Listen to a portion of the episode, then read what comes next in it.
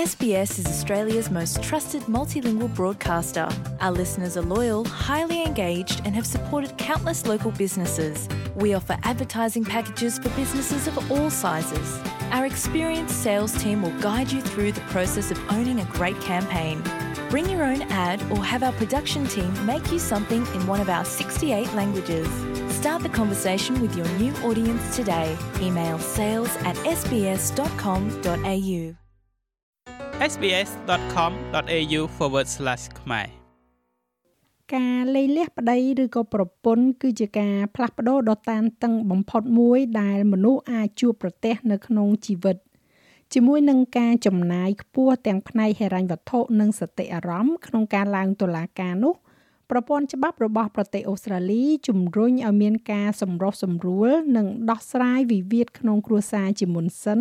នៅមុនពេលប្តឹងផ្ដាល់គ្នាទៅតុលាការនិយាយឲ្យសាមញ្ញទៅការលែងលះគឺជាការបញ្ចប់ចំណងអាពាហ៍ពិពាហ៍ជាផ្លូវការប៉ុន្តែដោយសារឥទ្ធិពលដ៏សម្បើមចំពោះបញ្ហាផ្លូវចិត្តការចិញ្ចឹមបីបាច់កូននិងភាពស្មុគស្មាញខាងផ្នែកហិរញ្ញវត្ថុដែលកើតឡើងដោយសារតែការលែងលះគ្នា គ្រួសារខ្លះអាចថាលំបាកនៅក្នុងការឈានទៅដល់ការដោះស្រាយបញ្ហាហិរញ្ញវត្ថុដោយស្ងប់ស្ងាត់ដោយគ្មានជំនួយពីខាងក្រៅនៅក្នុងប្រទេសអូស្ត្រាលីស្វាមីភរិយាត្រូវបានគេតម្រូវឲ្យបញ្ជាក់អះអាងថាអាពាហ៍ពិពាហ៍របស់ពួកគេមិនអាចជួសជុលឡើងវិញបានទេ ជាផ្នែកនៃការដាក់ពាក្យសុំលះលែងរបស់ពួកគេ ពួកគេត្រូវតែបង្ហាញថាបានរស់នៅបែកគ្នាលើសពី12ខែ ហើយយល់ព្រមលើការចាត់ចែងមើលថែទាំកូនកូននិងហិរញ្ញវត្ថុលោកស្រី Eleanor Lau គឺជាដៃគូម្នាក់នៅក្រុមហ៊ុនច្បាប់អូស្ត្រាលី Lander and Rogers លោកស្រីបានអនុវត្តច្បាប់គ្រួសារអស់រយៈពេល15ឆ្នាំនិងមានបទពិសោធន៍ក្នុងការដោះស្រាយការលែងលះអន្តរជាតិលោកស្រីឡៅនិយាយថាមុនពេលដែលគូស្វាមីភរិយាអាចធ្វើការប្តឹងផ្តល់លែងលះគ្នាបាន ពួកគេត្រូវតែព្យាយាមដោះស្រាយជាផ្លូវការលើកាតព្វកិច្ចចិញ្ចឹមកូន និងបញ្ហាហិរញ្ញវត្ថុជាមុនសិនលុះត្រាតែមានករណីលើកលែង។ if you want to go to court in relation to ប្រសិនបើអ្នកចង់ឡើងតុលាការតាក់ទងនឹងបញ្ហាចិញ្ចឹមបីបាច់កូនមានតម្រូវការដែលថាឪពុកម្ដាយត្រូវតែចូលរួមនៅក្នុងការដោះស្រាយវិវាទគ្រួសារជាមុនសិនវាជាទម្រង់នៃការសម្រុះសម្រួលដែលពួកគេត្រូវបានជួយដោយអ្នកដោះស្រាយវិវាទគ្រួសារដើម្បីមើលថាតើពួកគេអាចឈានដល់កិច្ចព្រមព្រៀងមួយតាក់ទងទៅនឹងការរៀបចំក្នុងការមើលថែទាំកូនកូនដែរឬទេ ជាមួយនឹងបញ្ហាហិរញ្ញវត្ថុយើងលើកទឹកចិត្តឲ្យភាគីនានាព្យាយាមដោះស្រាយវិវាទជាមុនសិនហើយតុលាការនាពេលបច្ចុប្បន្ននេះចង់ឃើញភាគីរបស់ពួកគេយ៉ាងហោចណាស់បានព្យាយាមចរចាគ្នាមុនពេលពួកគេធ្វើការប្តឹងផ្តល់ការឡើងតុលាការអាចត្រូវចំណាយប្រាក់អស់រាប់ម៉ឺនដុល្លារហើយដំណើរការនីតិវិធីអាចចំណាយពេលរាប់ខែ។ លោកស្រី Valerie Norton គឺជាអ្នកដោះស្រាយចំនួនគ្រួសារដែលមានការទទួលស្គាល់ឬក៏ហៅកាត់ថា FDRP អស់រយៈពេល12ឆ្នាំលោកស្រីនិយាយថាតួលេខបានបង្ហាញថាប្រមាណជា90%នៃប្តីប្រពន្ធដែលលែងលះបានដោះស្រាយចំនួនដោយខ្លួនឯងដោយមិនចាំបាច់ឡើងតុលាការមុននឹងព្យាយាមធ្វើការសម្របសម្រួលលោកស្រី Norton វាតម្លៃទៅលើលទ្ធភាពក្នុងការទទួលបានជោគជ័យជាមុនសិន។ I meet with each person individually ដំបូងខ្ញុំជួបគ្នាប្តីប្រពន្ធទាំងសងខាងម្ដងម្នាក់ម្ដងម្នាក់ជាលក្ខណៈបុគ្គលជាមុនដូច្នេះខ្ញុំកំពុងវិតម្លៃថាតើការសម្រុះសម្រួលសមស្របឬអត់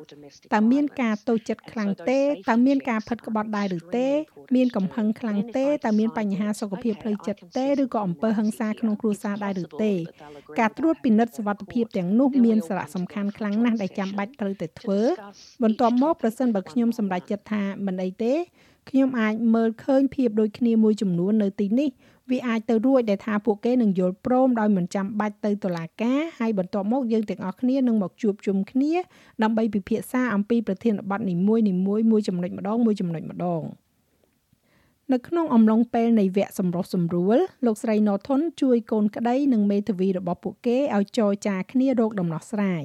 លោកស្រីព្យាយាមរៀបរៀងពួកគេឲ្យនៅឆ្ងាយពីអារម្មណ៍តូចចិត្តដោយផ្ដោតទៅលើលទ្ធផលជាក់ស្ដែងដែលនឹងផ្ដល់ផលប្រយោជន៍ដល់ភាគីនិងកូនកូនរបស់ពួកគេប្រសិនបើមាន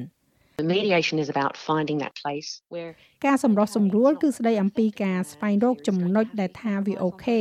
វាមិនល្អឥតខ្ចោះនោះទេហើយនឹងតម្រូវឲ្យមានការសម្របសម្រួលទាំងសងខាងប៉ុន្តែវាអាចទ្រាំទ្រទៅបានពួកគេទាំងពីរនាក់អាចរស់នៅជាមួយនឹងវាបាន ហើយនោះគឺជាការសម្រុះសម្រួលដ៏ល្អមួយនៅពេលដែលពួកគេកំពុងតែដើរចេញទៅឆ្ងាយពីគ្នាដោយមិនសប្បាយរីករាយក្នុងការបោះជំហានរបស់ខ្លួនឬក៏មើលទៅជាប់គាំងទាំងស្រុងវាគឺជាការដើរចេញទៅរបស់ពួកគេដែលថាអូខេនោះជាលទ្ធផលដ៏យុត្តិធម៌ប្រទេសអូស្ត្រាលីមានការលេងលះគ្នាដោយគ្មានកំហុសនេះមានន័យថាប្តីឬក៏ប្រពន្ធតែម្ខាងអាចសុំលេងលះបានដោយគ្មានការយល់ព្រមពីភាគីម្ខាងទៀត ហើយមិនចាំបាច់បញ្ជាក់ពីមូលហេតុដែលពួកគេចង់បញ្ចប់ជីវិតអាពាហ៍ពិពាហ៍នោះទេផ្ទុយទៅនឹងជំនឿដ៏ពេញនិយមទ្រព្យសម្បត្តិនិងផ្ទះសម្បែងមិនចាំបាច់ត្រូវតែបែងចែកជាពាក់កណ្ដាលឡើយហើយលោកស្រីមេធាវី Eleanor Lau និយាយថាភាគីទាំងពីរត្រូវស្វែងរកដំបូន្មានផ្នែកច្បាប់ និងអនុវត្តទៅតាមលក្ខណៈវិនិច្ឆ័យជាក់លាក់ in a property settlement the first step is we need to work នៅក្នុងការដោះស្រាយបញ្ហាអចលនទ្រព្យជំហានដំបូងគឺយើងត្រូវធ្វើការស្វែងយល់ពីអ្វីដែលនៅទីនោះដើម្បីបែងចែកដូច្នេះជាក់ស្ដែងមិនត្រឹមតែទ្រព្យសម្បត្តិនៅក្នុងប្រទេសអូស្ត្រាលីទេប៉ុន្តែថែមទាំងទ្រព្យសម្បត្តិនៅខាងក្រៅប្រទេសទាំងអស់នឹងត្រូវយកមកពិចារណាផងដែរបន្ទាប់មកមានប្រភេទផ្សេងផ្សេងគ្នានៃការចូលរួមចំណែកដែលយើងនឹងពិចារណានិងធ្វើការវិយតម្លៃ ការរួមចំណែកផ្នែកហិរញ្ញវត្ថុការរួមចំណែកមិនមែនជាហិរញ្ញវត្ថុនិងការរួមចំណែកក្នុងនាមជាមេផ្ទះនិងជាឪពុកម្ដាយ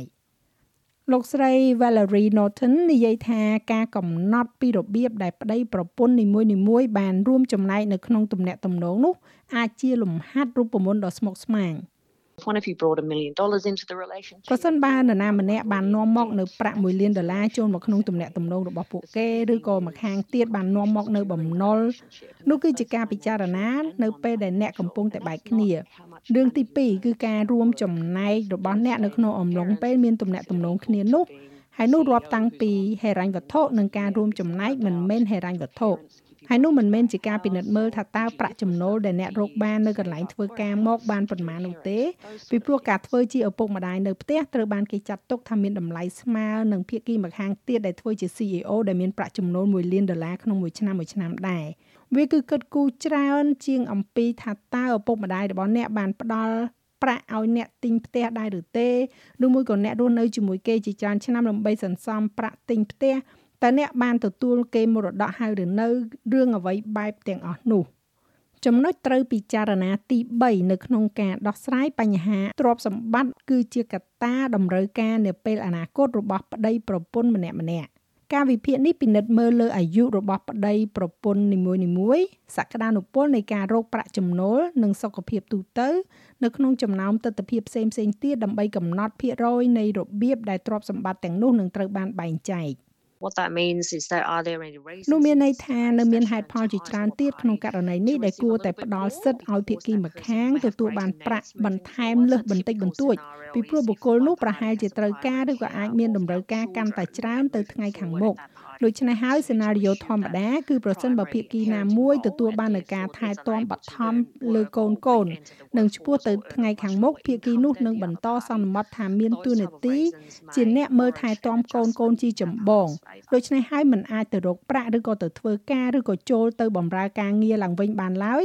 ឬក៏ទទួលបាននូវប្រាក់ចំណូលទាបជាងភាគីម្ខាងទៀតហេតុផលទាំងនោះអាចធានាបានថាមានការកែតម្រូវផលលាភសម្រាប់ភាគីនោះភាគីនានាអាចឈានដល់កិច្ចព្រមព្រៀងហិរញ្ញវត្ថុឬក៏ការចិញ្ចឹមបីបាច់កូននៅក្នុងអំឡុងពេលនៃការសម្រុះសម្រួលដោះស្រាយវិវាទគ្រួសារ មេធាវីជាញឹកញាប់នឹងផ្ដល់ដំបូន្មានដល់អតិថិជន ជាផ្នែកមួយនៃដំណើរការនេះឬសូម្បីតែចូលរួមនៅក្នុងការពិភាក្សានៅពេលដែលឈានដល់កិច្ចសន្យាឯកសារជាលទ្ធផលអាចត្រូវបានចេញដោយស្របច្បាប់ឬជាបទបញ្ជាយល់ព្រមដែលហៅថា consent order លោកស្រីឡាវនិយាយថាវាមានសារៈសំខាន់ខ្លាំងណាស់សម្រាប់មនុស្សដែលប្រឈមទៅនឹងការបែកបាក់គ្នាឲ្យដាក់អារម្មណ៍ចុះមួយ license ហើយស្វែងរកការប្រឹក្សាផ្លូវច្បាប់ឲ្យបានឆាប់តាមដែលអាចធ្វើទៅបាន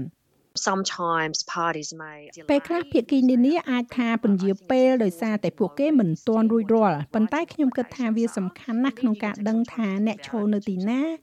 សិទ្ធិនិងកាតព្វកិច្ចរបស់អ្នកជាអ្វីហើយបន្ទាប់មកអ្នកអាចចំណាយពេលខ្លះដើម្បីគិតគូរអំពីវាតាក់ទងទៅនឹងអ្វីដែលអ្នកចង់ធ្វើ ប៉ុន្តែខ្ញុំគិតថាវាមានសារៈសំខាន់ខ្លាំងណាស់ដែលអ្នកទទួលបានដំបូន្មានផ្នែកច្បាប់ឲ្យបានឆាប់តាមដែលអាចធ្វើទៅបានជាពិសេសប្រសិនបើមានជាប់ពាក់ព័ន្ធទៅនឹងទ្រព្យសម្បត្តិនៅក្រៅប្រទេសការចុះហត្ថលេខាលើកិច្ចព្រមព្រៀងហិរញ្ញវត្ថុដែលចងភ្ជាប់មុនពេលចាប់ផ្ដើមទំនាក់ទំនងឬក៏អំឡុងពេលមានទំនាក់ទំនងជាមួយគ្នានោះអាចមានប្រយោជន៍សម្រាប់អ្នកដែលចង់ជៀសផុតពីភាពតានតឹងនៃការបែកបាក់គ្នានាពេលអនាគត ការចងកិច្ចព្រមព្រៀងហិរញ្ញវត្ថុអាចត្រូវបានប្រើជាដំណោះស្រាយចុងក្រោយ។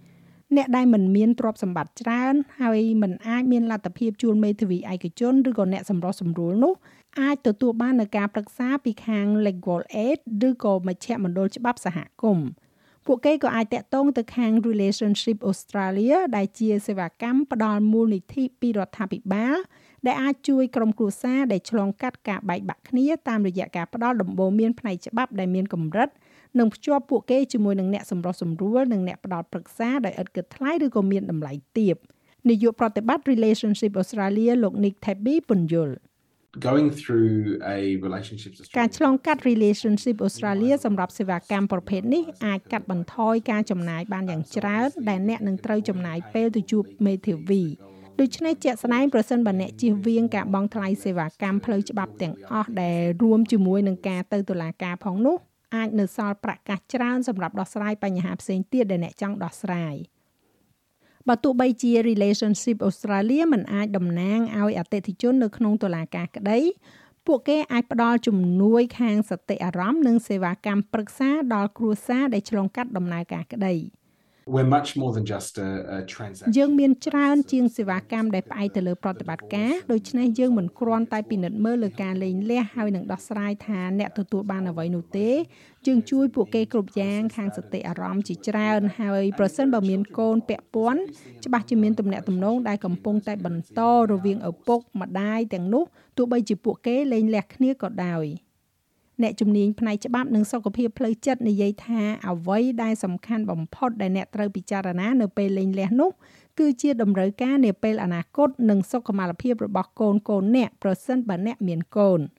អ្នកអាចតាក់ទងការិយាល័យ Relationship Australia នៅក្នុងតំបន់របស់លោកអ្នកហើយធ្វើការណាត់ជួបម្យ៉ាងទៀតអ្នកអាចហៅទូរស័ព្ទទៅខ្សែទូរស័ព្ទផ្ដល់ប្រឹក្សាទំនាក់ទំនងគ្រួសារ